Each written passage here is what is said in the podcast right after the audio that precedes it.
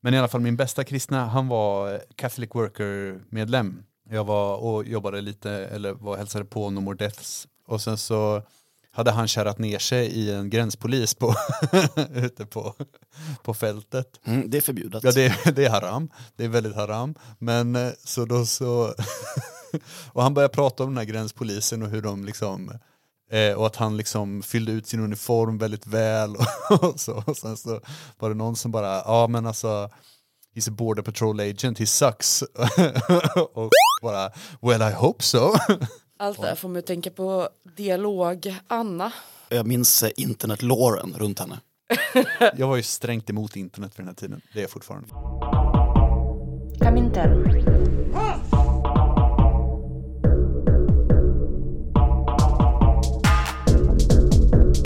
Berätta inte för mig om det svenska klassamhället. Jag har sett det. Jag har växt upp i det. Jag hatar det.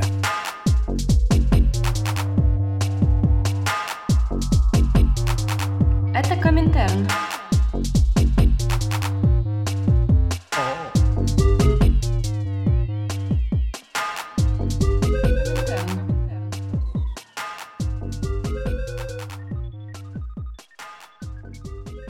Jag börjar med att fråga hur det är med dig Tor. Jo men tack det är bra. Jag har varit i, i Stockholm, hälsat på vänner och familj. En liten vänner, varit supertrevligt. Men väldigt, väldigt socialt intensivt. Och sen så har jag tuggat mig igenom en Hamilton-bok till. Hur går det med din Hamilton-cirkel? Har du tappat lusten? Ja verkligen, men nu är jag, nu är jag halvvägs. Nu har jag lyssnat på bok fem, Den hedervärde mördaren. Den behöver man inte lyssna på. Den har vi nämnt i podden att vi har indirekt kontakt med Jan Guillou? Eh, det tror jag inte vi har gjort. Har vi inte gjort va? Nej. Det var en lyssnare som ledsnade på att vi talade om Jan Guillou hela tiden. Och som mejlade honom och skrev den här obskyra vänsterpodden pratar om det hela tiden. Ska inte du vara med? Ja. Och, Och Jan sen- svarade Nej. nej, det gjorde han inte. Nej, det gjorde. De får höra av sig sa han. Ja, det gjorde det sa han. Men det kommer vi inte göra. Fegisar, det är klart ni ska. Nej, han får höra av Jag känner redan att vi står kulturellt långt ifrån varandra. ja, Jag kan tänka mig det. Det var nog ingen som trodde någonting annat å andra sidan. Eh, med mig är det alldeles strålande, tackar som frågar. Ja. Eh, jag håller på att tappa rösten igen, Mm. precis som vanligt när vi ska spela en podd. Jag arbetar ju som sångpedagog, Ja, ett visst problem i mitt yrke. ja. Gör du det på riktigt? Eh, nej, Nej. det är jag inte. det var ändå lite respekt tänkte jag. Ja. Ett sånt old school-yrke. Liksom. Ja, nej, jag har ett yrke som inte inger någon som helst respekt. Vill du presentera dig själv, Hanna? Har du läst på eller? Jag har läst kan på. göra om jag måste. Nej, kör du då. Okej, du heter Hanna. Det stämmer. Är du trygghetsforskare? Ja, det är ett epitet eh, jag ibland eh, får. Jag brukar själv kanske säga att jag forskar om eh, brottsutveckling, otrygghet, kriminalpolitik. Eh, det är bara trygghet eh, låter så töntigt. Men eh, absolut, det är absolut det jag forskar om. Så, att, eh, så mycket eh, måste jag ställa upp på. Framför dig har du en tung, tung bok. Eh, ja, jag kom med lite gåvor här inne i studion. Eh, några printade ex av min avhandling som är väl eh, en av anledningarna till att jag sitter här just nu. Jag skrev en avhandling mellan 2016 och 2021 doktorand vid sociologiska institutionen, Lunds universitet som handlar just om hur man började forska om eh, otrygghet i Sverige och hur detta har inverkat i kriminalpolitiken. Hur gick det till när vi började forska om trygghet och otrygghet i Sverige? Mm, den riktigt korta versionen är att eh, 1992 så får polisen en ändrad formulering i sitt regleringsbrev att de ska minska brottsligheten och öka tryggheten och polisen ställer sig självklart ganska frågande till vad är då trygghet och eh, hur vet vi om vi har ökat det? Och eh, på den vägen börjar man göra riktade trygghetsundersökningar kan man säga under 90-talet. Men det här är ju verkligen cliff notesen så att säga. Vad var deras eh, arbetsbeskrivning innan 92? Mm, alltså de skulle minska brottsligheten men den här formuleringen om att öka tryggheten lades till 1992. Mm. Jag sitter faktiskt fortfarande och skriver eh, om det här. Jag håller på att skriva en bok just nu som är någon slags version av den här avhandlingen som är lite mer publikanpassad. Det jag skrev om idag, vilket jag tycker är liksom en av de absolut mest intressanta aspekterna av trygghetsforskningen är hur det hela börjar. För det här har faktiskt också varit föremål för något av en vetenskaplig kontrovers. Flera ganska kända högerkriminologer, eh, den främsta av dem är ju Wilson, jag vet inte om ni känner till Wilson. Nej, vad har han? Det är inte han som är Broken Windows. Det är det absolut. Ja, då känner jag till honom. Det ser du. Han slog sönder en bil på något universitet tillsammans med sina doktorander. Man kan ju säga att Wilson är lite USAs Nils Bejerot, alltså en person som har en del på sitt samvete. Nils Bejerot vet jag def- däremot inte vem det är. Okej, han ligger bakom svensk narkotikapolitik. Jag kan komma Jaha. tillbaka och prata om det vid ett annat tillfälle kanske. Okej. Tjänstemän med mycket, nej han är inte riktigt tjänsteman Wilson, men han skrev sin bok om Broken Windows Theory med en högst, upp, högt uppsatt eh, polischef eh, från New York, Kelling. Och den här, eh, det här teoribygget, skakigt som det är, så fick det ju ett enormt politiskt inflytande både i USA och resten av världen. Och för oss som inte läst någon sociologi, eh, vilken är br- broken window-teorin?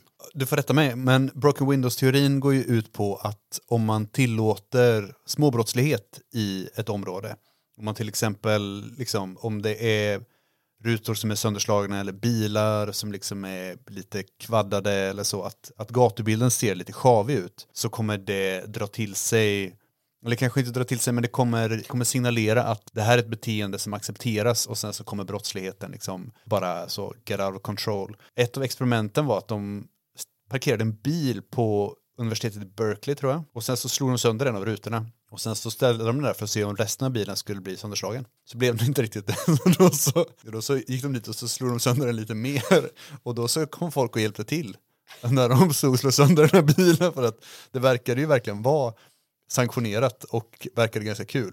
Man skulle kunna tolka det här som att eh, det är kul att slå sönder en bil tillsammans i gäng. ja, Men så tolkar inte Wilson det. Eller, viktig aspekt av Broken Windows Theory som ganska få känner till. Alltså allt du säger Tor är korrekt. Eh, man kanske ska lägga till att en viktig aspekt är att själva teorin stipulerar att man ska ha en hög nivå av liksom, polisiär repression på dessa små ordningsbrott.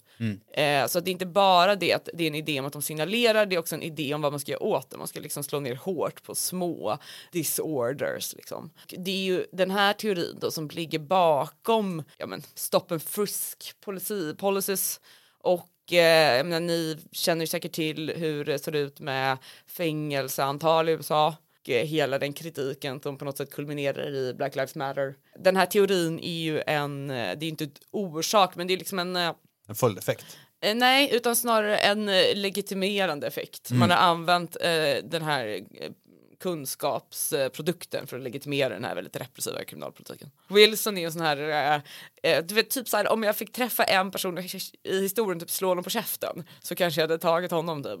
Men eh, Eh, Smart ja men så här var det. Jo men han har ju påstått om trygghetsforskning och andra idioter också med honom att det här det tar sin början med att under 60-talet i USA där man har alla de här stora samhällsförändringarna, medborgarrättsrörelsen, alltså ni vet alla vad som hände i det amerikanska 60-talet eh, så ledde det här till genom att olika befolknings eh, typer, liksom demografiska grupper beblandas och då pratar vi kvinnor och män, eh, fattiga och rika men allra främst liksom svarta och vita då. Genom att de här beblandas så sker liksom en normupplösning, ett anomitillstånd, det, brottsligheten ökar mycket och folk blir väldigt otrygga. Det är liksom den här högerkonventionella eh, bilden av eh, otrygghetsfrågans början då. Jag ser verkligen framför mig en, så, en, en kvinna i någon sorts blommig klänning som står och håller i sin väska på bussen så att knogarna vitnar. Typ. Ja men precis, ni känner väl kanske till hon Schlaf Fly. Det kom en tv-serie om henne för ett tag sedan. Hon har världens värsta namn. Jag kommer inte heller ihåg vad hon heter i förnamn. Jag vill säga typ så här, Paula. Nej jag vet inte. Eh, men hon... Karen. ni känner ju också till begreppet, eh, ja väldigt mycket av en Karen tror jag. The moral majority. Mm. Hon är ju också en galning. Ja. Precis, precis. Hela det här eh, bakgrunden till det här är ju full med galningar måste jag säga. Men det jag skulle komma till att under eh, 90-talet och tidigt 2000-tal så är det två olika studier som publiceras. Delvis av Chambliss som är en känd eh, vänsterkriminolog och eh, två forskare som heter Lou and Grimes, Lou och Grimes då, som återvänder till enkätdata på 60-talet för att granska den här idén då, att folk faktiskt var så rädda för brott. Eh, 1964 är det 1 procent av i den här gallupmätningen som menar att brottsligheten är USAs värsta problem och 2 procent som anger juvenile delinquency. Så ungdomsbrottslighet. Precis. de här texterna av till exempel Niemi och Smith, de här två liksom, mm, mer högerinriktade kriminologer som beskriver ett sånt här väldigt konventionellt start för otrygghetsforskningen har ju själva gjort väldigt kreativa räkne eh, konstruktioner för att komma fram till resultatet att 41 procent skulle ha varit oroliga för social kontroll. Då har de alltså buntat ihop eh, följande kategorier. Eh, jag tar dem på engelska, jag skriver en avhandling på engelska bara för att jag Ja. Violence, riots, eh, crime, juvenile delinquency, drugs, moral decay, lack of religion and fears about communist subversions.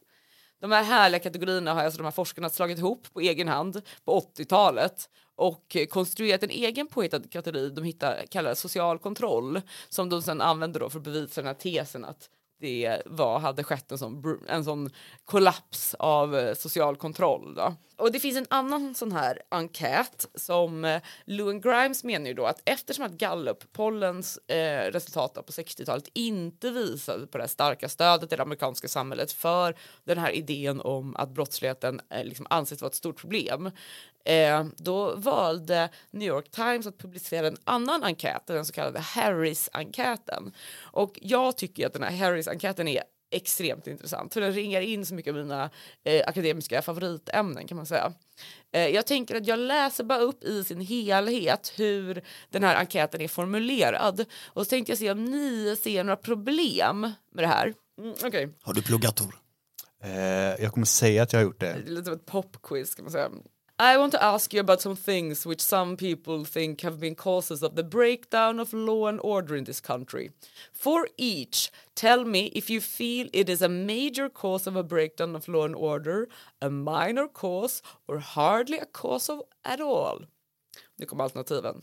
Organized crime, Negroes who riot, communists, the courts, anti-Vietnam demonstrators, national leadership, hippies and student protesters, right-wing demagogues or police brutality. Eh, Det känns som att den var lite tendentiös i vad man fick välja på. Men eh, hippies, jag är generellt emot hippies och eh, polisbrutalitet. Får man välja?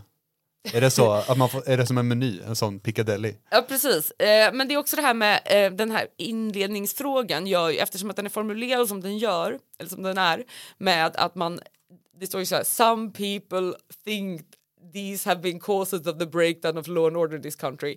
For each tell me if you feel it's a major cause of a breakdown of a minor cause or hardly a cause at all. Alltså det går ju inte att svara på den här frågan utan att ställa upp på grundpremissen som är att det har skett en kollaps av samhällets ordning. Någon, och att någon tycker att det är de här grupperna som är ansvariga. Exakt, precis. Eventuellt de här grupperna. Så vad ringer det här in då? Alltså den här lite, lite fladdriga inledningen här då. Alltså att eh, i otrygghetsfrågans början, i sitt absoluta ursprung, eh, så finns det politiska intressen. Man, det är liksom lies, lies and statistics hela vägen ner i det här forskningsfältet. Och eh, man får ju också knyta de allra första forskningsstudierna tillsätts ju också av en eh, amerikansk president, Lyndon B Johnson. En, han tillsätter en kommission som leder till de tre första studierna kan man säga inom det här området. Visst var han, är han demokrat eller republikan? Han är demokrat, men är en obehaglig galning till demokrat. Och Mm. som alla andra demokrater. Ja, de har ju, det finns ju lite degrees in hell, men jag tror att Lyndon B Johnson, alltså han är en av de som bombar sönder mest av Vietnam. Och eh, Eh, det man ska säga om Lyndon B Johnson är väl att han, eh, alltså han förlorar mot Barry Goldwater och när Barry Goldwater accepterar republikanernas nominering 1964 så håller han också ett väldigt berömt tal som brukar räknas som en av de första politiseringen av brottsligheten.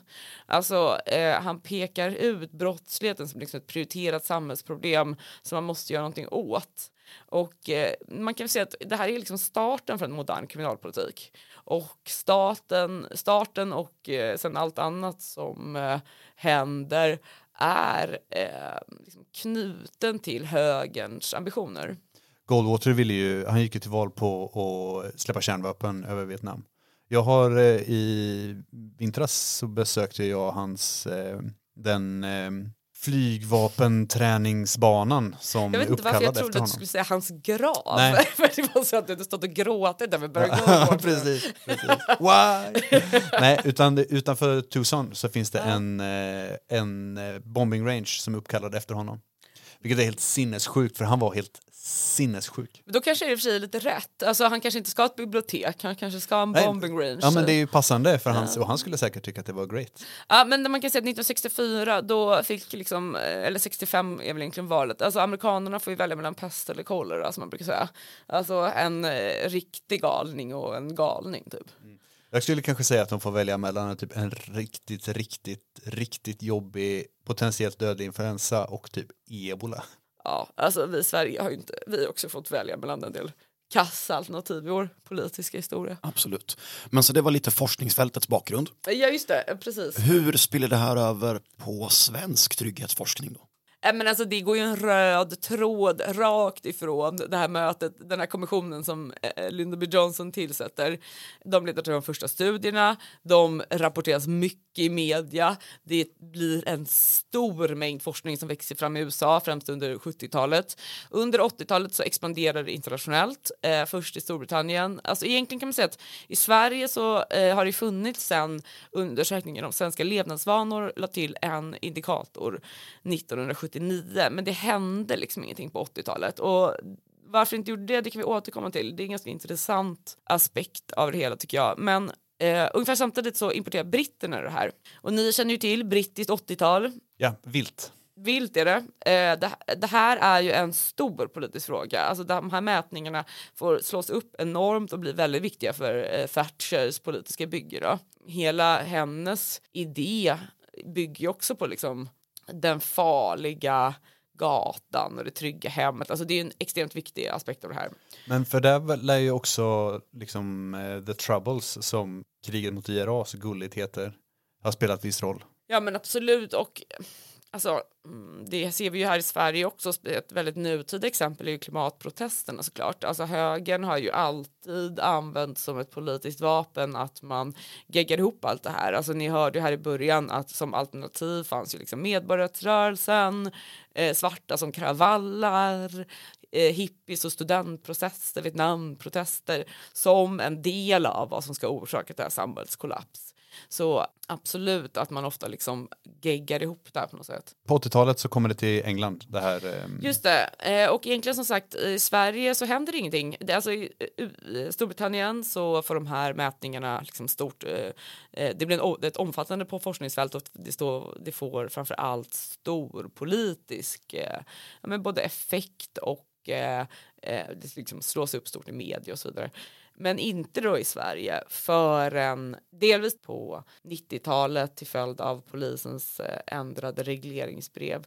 Men sen så i Sverige så händer det egentligen inte så mycket förrän på 00-talet.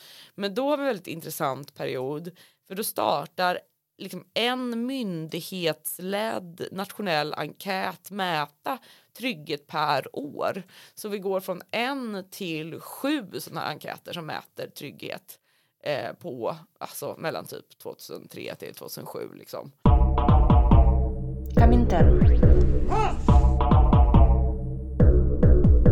Hur hamnade jag på det här forskningsämnet då? Jo men jag är ju kriminolog kan man väl säga och under alla de åren jag var kriminologistudent så märkte jag kontinuerligt att mer och mer saker påstods om otrygghet. Och saker påstods ju om brottslighet hela tiden. Och, men brottslighet pratade vi ganska mycket om under utbildningen. Hur man mäter och hur man inte kan mäta och vad som påstås felaktigt och så vidare. Men jag såg liksom en tendens till att det inte längre bara stod att brottsligheten ökar utan stod att brottsligheten och otryggheten ökar. Och det här känner ju ni till, eller hur? Ni har också läst den rubriken, hört den från eh, alla möjliga politiker och så vidare. mm, absolut. Det har sagts så länge jag har levt tror jag. Hur vet man det? Vet ni vad man har frågat när man kommer fram till att otryggheten ökar? Eh, att eh, man har frågat folk, när du går ensam ute i mörkret utomhus, känner du dig trygg då? Exakt. Och det här är faktiskt en fråga som kommer från den allra första trygghetsstudien som är utförd av en forskare som heter P.H. Ennis. Alltså en av de studierna som Lyndon B. Johnsons kommission ledde fram till. Och P.H. Ennis skriver själv att det finns ingen teoretisk anledning till att den här frågan är bättre än någon annan. Den enda anledningen till att han använder den här frågan är att den har större varians. Alltså att han hade också frågat till exempel hur säker man känner sig om man går när det är ljust ute. Han hade frågat om man går till exempel med en vän. Men problemet med de här frågorna var ju att liksom 97 procent eller något sånt där eh, uppgav sig då vara trygga. Och ni vet ju kanske hur vi samhällsvetare och statistiker fungerar att eh, om 97 procent tycker någonting då tycker inte vi att det är bra, då vet vi hur det ligger till. Tänker vi oj vilken dålig varians. Det här blir värdelöst när jag ska göra mina multiple regression analyses. Det blev inget med det utan man tog den här eh, frågan som just är så. How safe do you feel walking around your neighborhood after dark? Och det är exakt den frågan som beforskas i Sverige fortfarande. Nästan alla de här myndighetsledda enkäterna ställer ju den här frågan eh, i olika försvenskade varianter. Då. Om man tänker lite på den här frågan, vad innehåller den? Liksom? Den definierar ju subjektet för vad man är rädd för, alltså vad som är liksom det som skapar otrygghet eh, som någonting som äger rum när du är utomhus, när du är ensam eh, någonting som en främling gör mot dig. Och om vi pratar direkt bara brottsutsatthet som vi vet ju till exempel att det inte är så här brott sker. Alltså det är en väldigt ovanlig form av brott att du blir liksom attackerad av en främling ute i parken. Och då pratar vi speciellt för kvinnor. Alltså en kvinna blir statistiskt sett slagen och mördad eh, av en eh, närstående man i sitt hem eller en annan, ett, liksom mannens hem parken är helt enkelt inte en särskilt farlig plats statistiskt sett. Så varför beforskar vi det här med den här frenesin då? Därför att man redan vet vilka åtgärder man har tänkt sig ta till. Man vet ju 100% vilken typ av svar man kommer fra komma fram till när man frågar den frågan. Det är ju en återkommande aspekt av eh, trygghetsforskningen och även liksom i de mest kända metaanalyserna kommer också fram till det. En forskare som heter Chris Hale sa bevingade ord på 90-talet Fear of crime is a result of how it has been measured rather than how it is. Och eh, så är det helt enkelt. Det är ju liksom en socialt konstruerad vetenskap i ordets eh, riktiga bemärkelse så att säga. Men hur tror du att hur brottslighet och kanske framför allt så liksom våld mot kvinnor framställs på film och i liksom populärkultur. Hur tror, tror du att det spelar in i det här? Ja, men det är faktiskt en jätteviktig aspekt av det som jag tror är egentligen ganska dåligt beforskad överhuvudtaget. Alltså om ni tänker på det samhället ni växte upp i och så jämför det med dagens samhälle.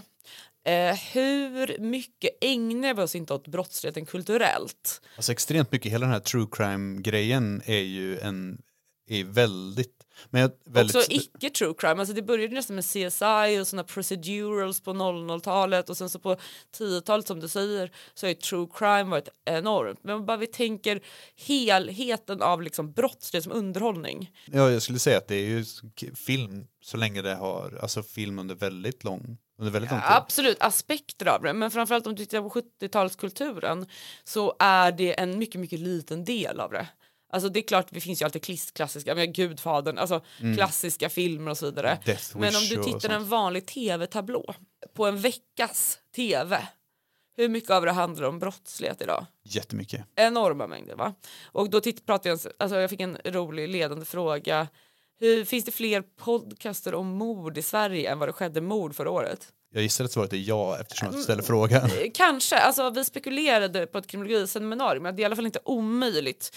Alltså ungefär brukar man säga att eh, i Sverige så brukar det ske ungefär 100 fall av dödligt våld per 100 000 invånare och år och i runda slängar kanske hundra mord. Det här är liksom varierande såklart.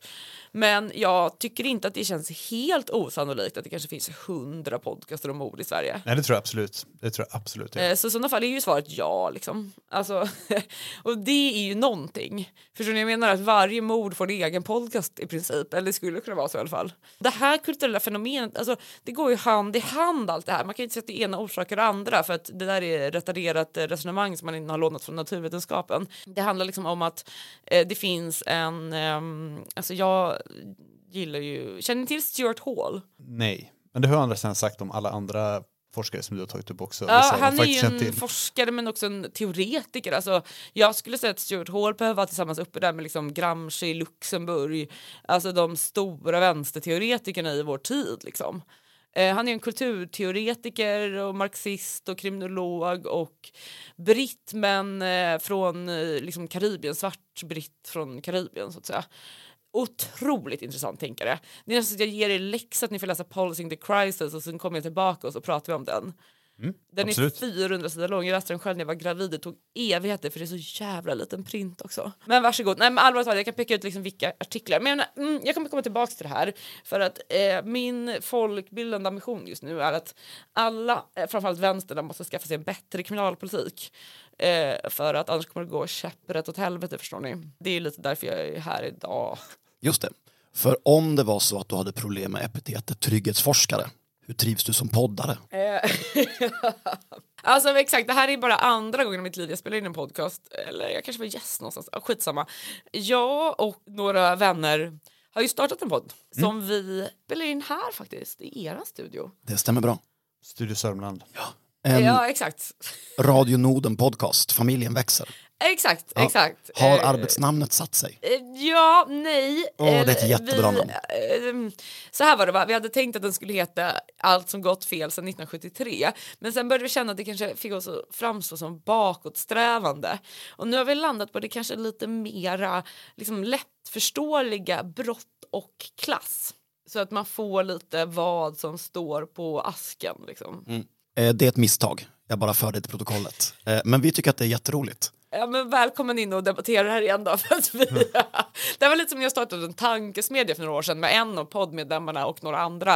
Eh, vi landade på namnet Monad, vilket måste säga är ett ganska dåligt namn. Det, är in, det står för en odelbar enhet, men ärligt talat. Eh, men de debatterna liksom pågick ju tills alla bara hade gett upp typ, så att det var lite så det gick till. Så den här gången försökte vi bara få det avklarat snabbt. Jag tycker att det är svårt att döpa saker. Alltså, både mitt barn och min avhandling kändes som stor ansvar att hitta på namn till. Mina två bebisar så att säga. Oavsett eh, namn så har ni startat en, kallar ni det för en kriminologipodcast? Det gör vi, och eh, fast eh, en av våra medlemmar, Lars, då, tycker att vi borde liksom kapitalisera mer på den här true crime-trenden och kanske kalla det för så true true crime. Typ. Det är faktiskt, det skulle nog få upp er i eh, olika algoritmer och så ganska. Ja, möjligtvis. Jag förstår inte sånt där och jag tänker inte heller tänka på det så att någon annan får göra det. Eh, jag ägnar mitt liksom kognitiva utrymme åt andra frågor. Men ja, vi har startat en podcast och Eh, den eh, kommer ju handla om hur fan vi har hamnat där vi är idag med en politisering av brottsligheten som har skickat en högerkonservativ regering till makten där invandring associeras med kriminalitet. Eh, men framförallt har vi också en förklarande ambition. Då. Liksom, hur hänger det här ihop med att som alla som lyssnar på den här podcasten säkert förhoppningsvis vet att vi har haft en enormt växande ekonomisk ojämlikhet i Sverige i modern tid.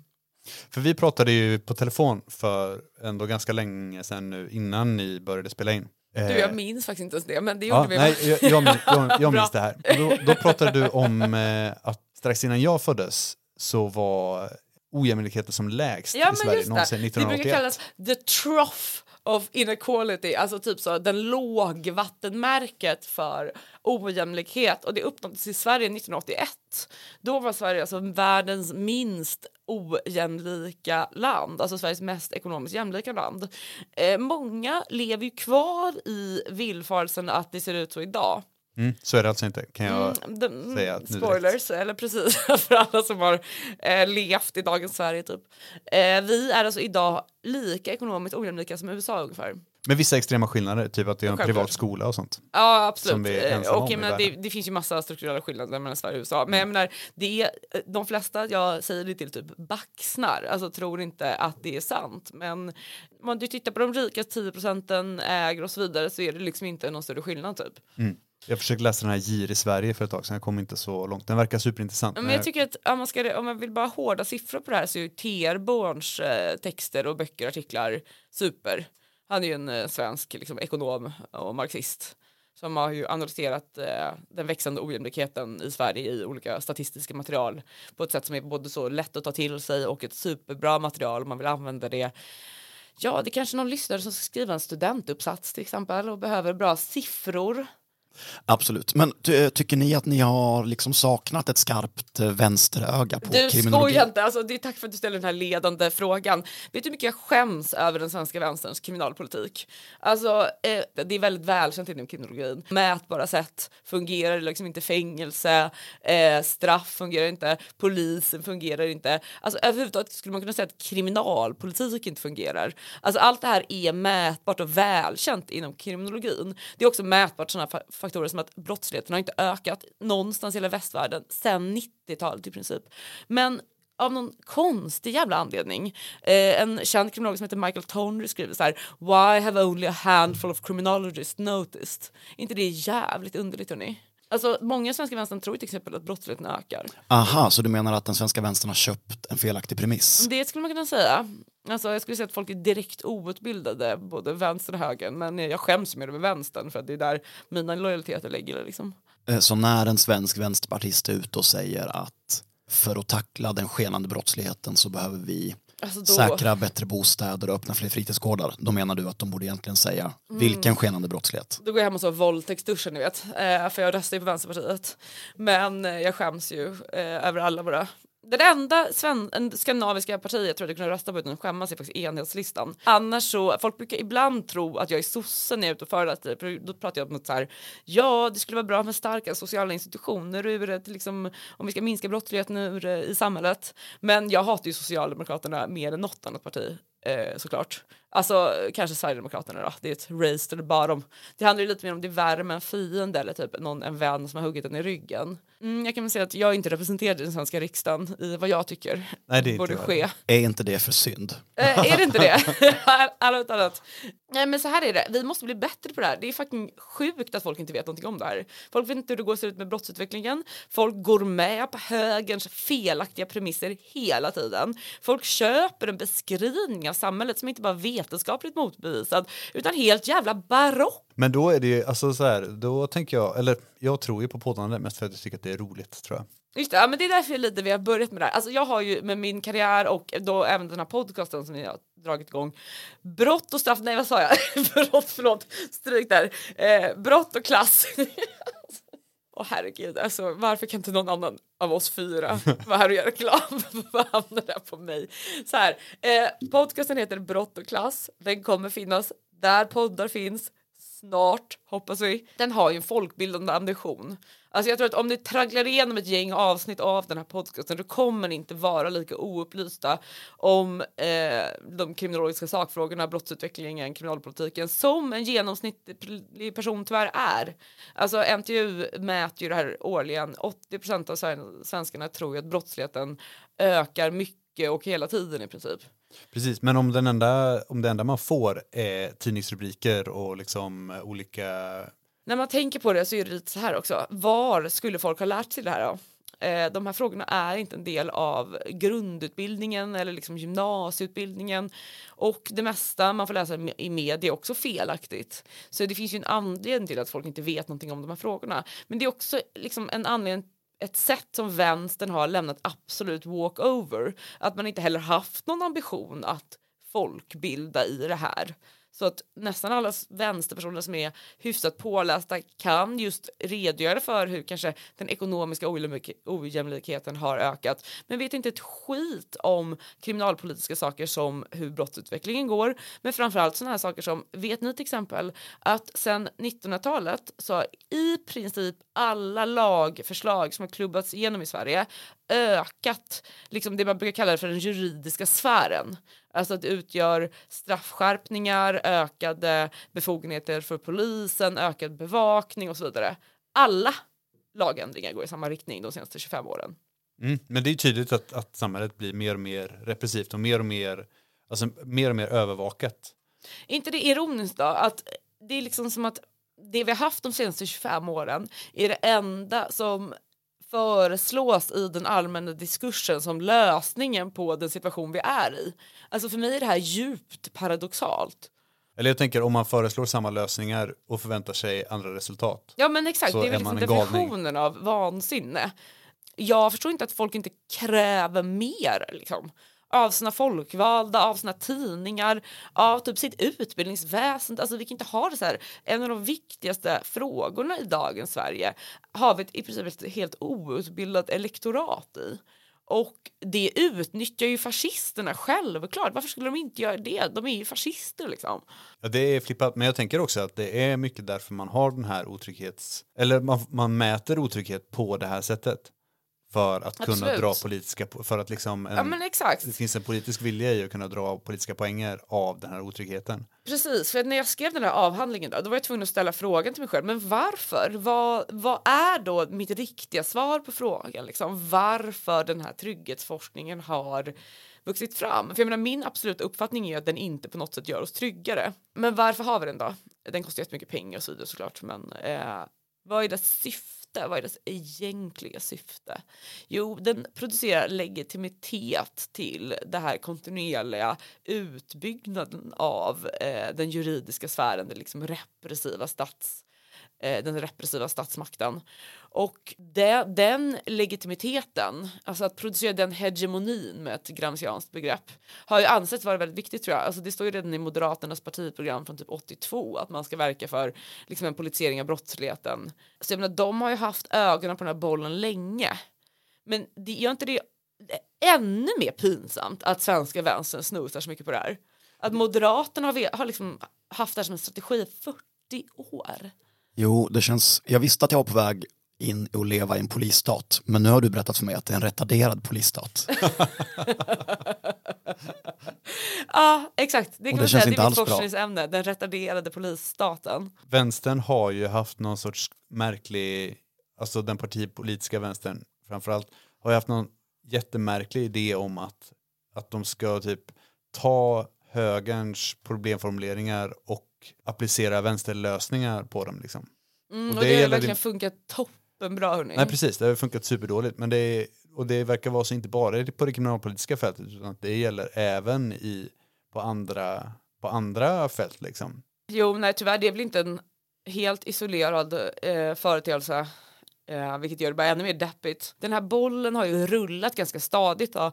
Alltså om vi tänker att i en, eh, mm, ja men Moderaterna satte den kanske en rullning i, på 80-talet någon gång. Den fångar upp fart på 90-talet. 90-talet är ju väldigt eh, liksom eh, tecken för eh, ungdomarna och mm, där sker ju mycket av de faktiska ekonomiska förändringarna. Och just det, jag sa att jag skulle återkomma lite till det här med att jag tycker att det är intressant att den här bollen rullar igång, när, nu pratar jag om liksom otrygghetsforskningsbollen, rullar igång mycket tidigare i en brittisk kontext än vad den gör i en eh, svensk. Låt mig dra er uppmärksamhet och, till samverkan här med de ekonomiska försämringarna som sker. De sker ju i Storbritannien på 80-talet när Sverige fortfarande är liksom ett ganska jämlikt och folkhemspräglat land.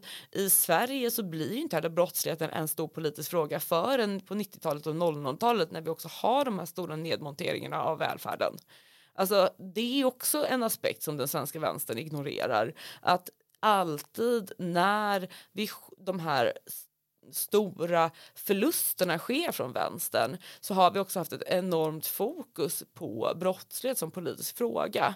Alltså det är inte, det är inte en slump heller. Högern vet att det inte är särskilt populärt att typ sälja ut välfärden så det är inte heller det de pratar om. Liksom. Nej, nej, absolut. De pratar ju om hur hemska så olika eh, arbetarungdomar är liksom. Precis.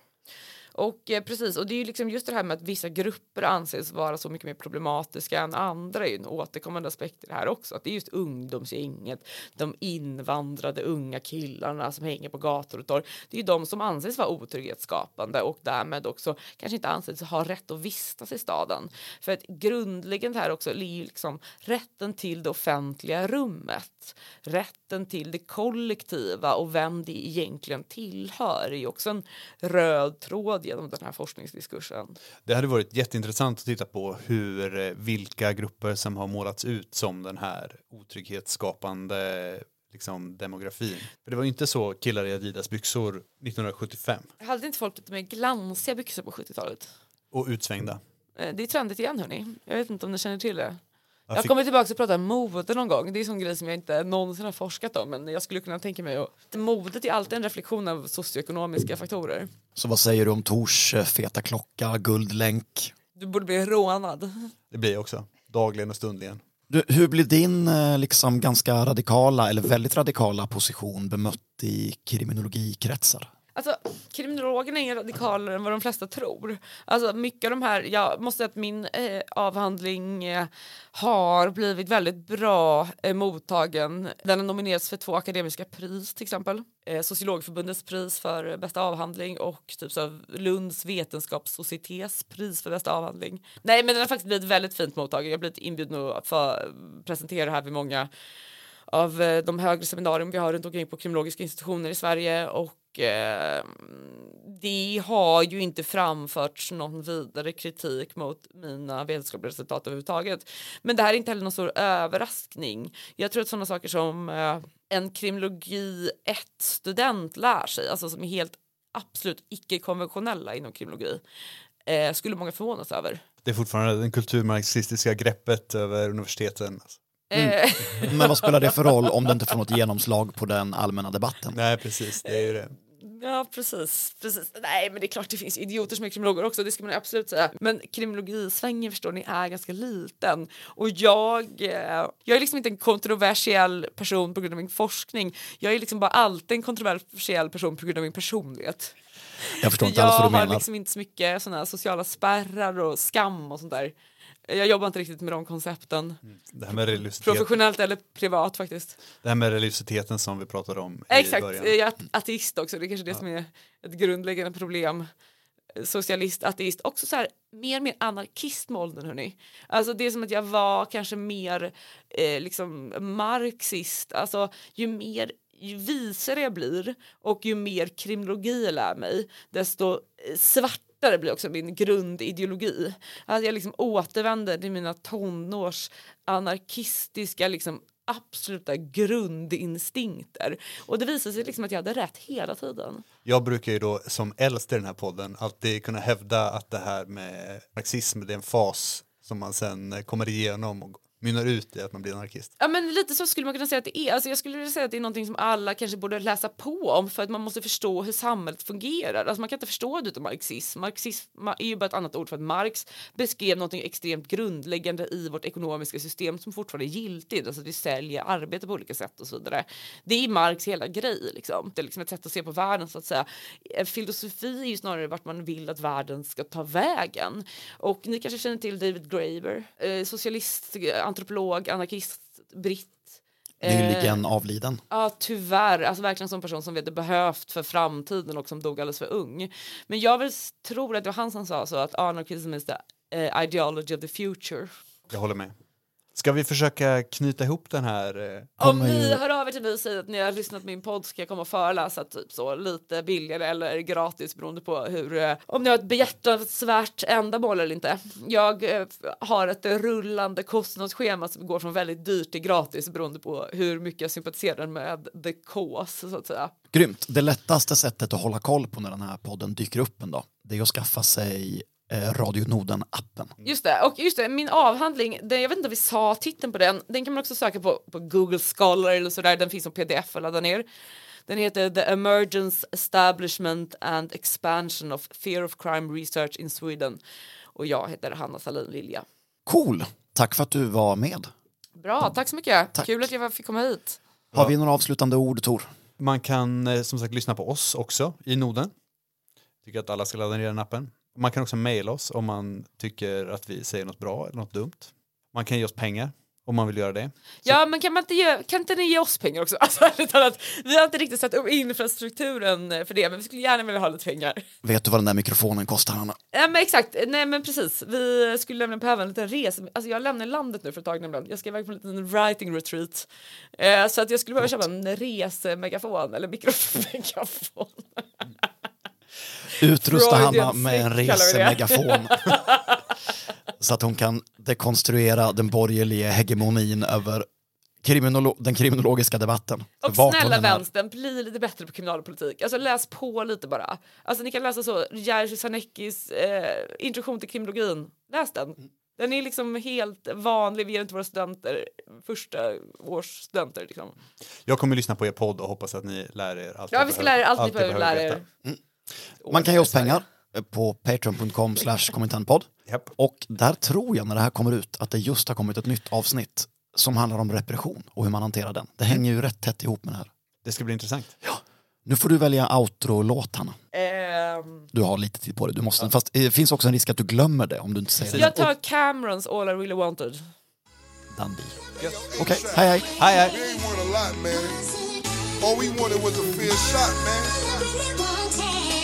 We ain't want a lot, man. All we wanted was a fair shot, man. No, I'm from the numbers stacked uh. against us, man. In high school, I was on the court getting buckets, bitch. Then I started getting duckets. Can't lie, I'm in love with this. The art of getting money, man. My motto was like fuck a bitch. By the time I turned 30, I completed my own bucket list. I don't take threats lightly. Careful who you fucking with. Now to make you way more famous than your publicist. Love, I get the stubbing it. My life, they want to publish it. They ain't got enough money, so I keep dubbing it. Curved on the talk show, never doing unsung. Mary J 92, here's the 411. I am no dum dum. Big L, bloodshed, 6. Google it, forgot where I come from. Walked around broke, hit a lick, got a lump sum. If you wore jewelry, the wolves was like yum yum. Way before stun guns, I stumped them. Run, run, tell that. Pick up your face, I'm from the slums, son. Money, cars, clothes, her respects. Clientele of town, brown bags, a good connect. Play ball, sell drugs, maybe get a record deal. Private jet Allen, the girl with some sex appeal. Grew up around nonsense, mistrust foolery, bullets and gun smoke, murder wake eulogy. Niggas ain't used to me, nothing you can do with me.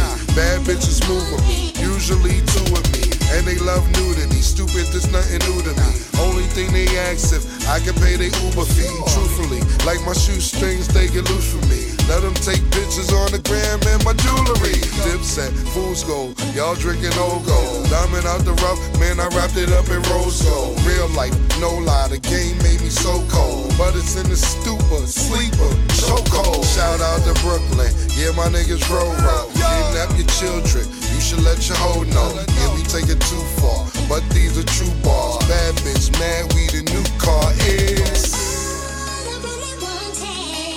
Money, cars, clothes, her respects. Clientele town, brown bags, a good connect. Play ball, sell drugs, maybe get a record deal. Private jet Allen, the girl with some sex appeal.